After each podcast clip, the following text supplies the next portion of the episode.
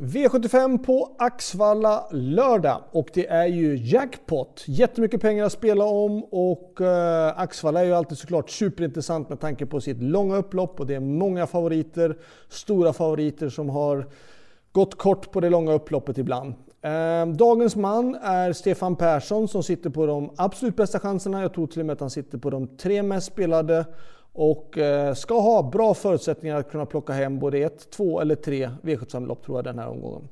Men vi börjar med V75 1 och där blir då favorit nummer 1 Rom Pace Off. Ehm, absolut, han är ju en jättebra häst och han har ju ett perfekt utgångsläge på en bra distans.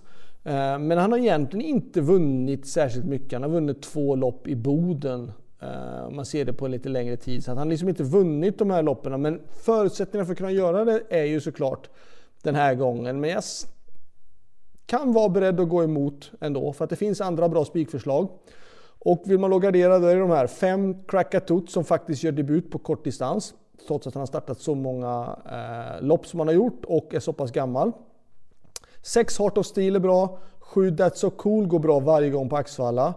8 Beer Time är också gynnad av långa upploppet och 9 Eddie Bear som Stefan Persson kör är också en väldigt bra häst i grund och botten. Så att det, jag tycker man ska gardera i första loppet. Jag tycker man ska ha 1, 5, 6, 7, 8 och 9. V75 2. Här kan det vara så att man kanske kan spika 3 hertz faktiskt. Eh, jag tycker den står bra in i loppet och innanför Stefan Perssons 5 Vikens Bonjour. Vikens Bonjour är en väldigt bra häst, absolut. Men jag tycker ändå att Hertz står bättre till på det med tanke på spåret och sådär. Så att jag, vill man chansspika så kan man spika tre, men annars är det ju fem som är värst emot.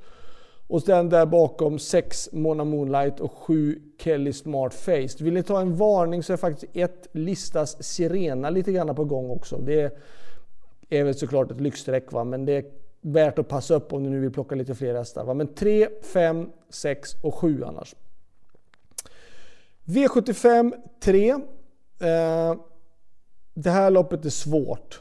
Eh, svårt att tippa. Eh, jag vill ha flera hästar med i det här loppet. Vi börjar med 2 GG Another Win. Ivanov har rätt så bra form på sina hästar så den vill jag ha med.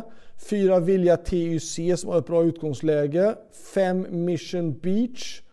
6 Rosemary Tile, 7 Heartbeat Julie självklart. Och 10 Mose Eagle tycker jag också är intressant som Jeppson kör. Uh, så att 2, 4, 5, 6, 7 och 10. Varningarna det är typ 8 Tor Eiffel och faktiskt 12 Melby Ivy. Gynnad av att 11 Southwind Boko är struken och hon är ganska duktig Melby Ivy. Hon har kört rätt så offensivt ett par gånger och den här gången kanske hon kan få ett lopp bakifrån och Axfallas upplopp är ju långt. Vi går istället vidare till V75 4. Eh, det här loppet är också svårt. Eh, jag tycker både avdelning 3 och 4 är svåra. Jag vill, jag vill gardera faktiskt ett Woodbank. Jag vill ta med några andra hästar med emot. Eh, för jag tycker att Visst, den är ju några distans, men jag tycker att det skiljer inte så jättemycket. Jag tycker att två Mayhem Mary gick bra senast. Tre Cumulus FG. Fyra Sabani. Fem Pontiac satt fast med en del krafter kvar sist. 6 Vikens Cashflow och 9 Öna Spartacus. Så att 1, 2, 3, 4, 5, 6 och 9 i den fjärde hållningen. I den femte hållningen, 1 Cassius Clay tror jag tar revansch den här gången. Jag tror att han vinner, jag tycker att det är en bra spikförslag. Jag vet att han är ganska hårt betrodd. Men jag tror ändå att han löser det här.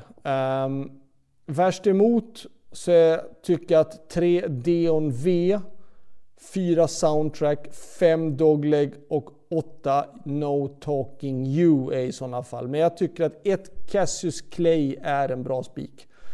Eh, varningen skulle jag kunna faktiskt säga 12 Mud Hill. Den hästen har gått bra. Det är en hemmahäst, en jättekapabel häst, lite ojämn men blir det lite grann tempo på det här loppet så um, då kan jag tycka att passa upp i sådana fall för 12 Hill om ni nu söker ett, ett riktigt drag. Liksom. Han är ju bara sträckad i 1% just nu. V75 6.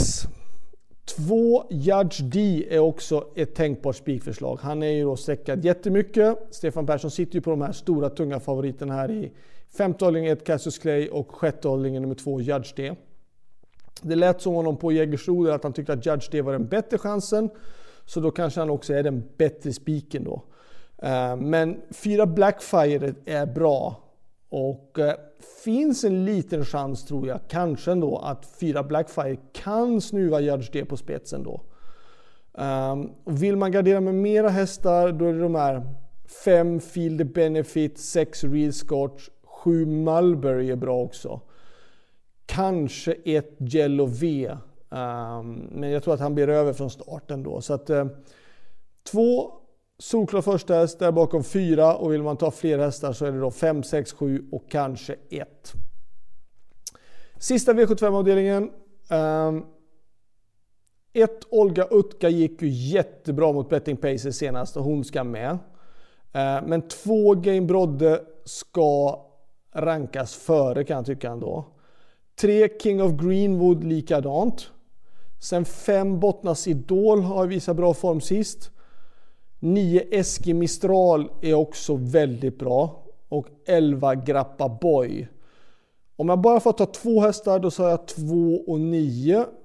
Men ändå är det 1, 4, 5 och 11.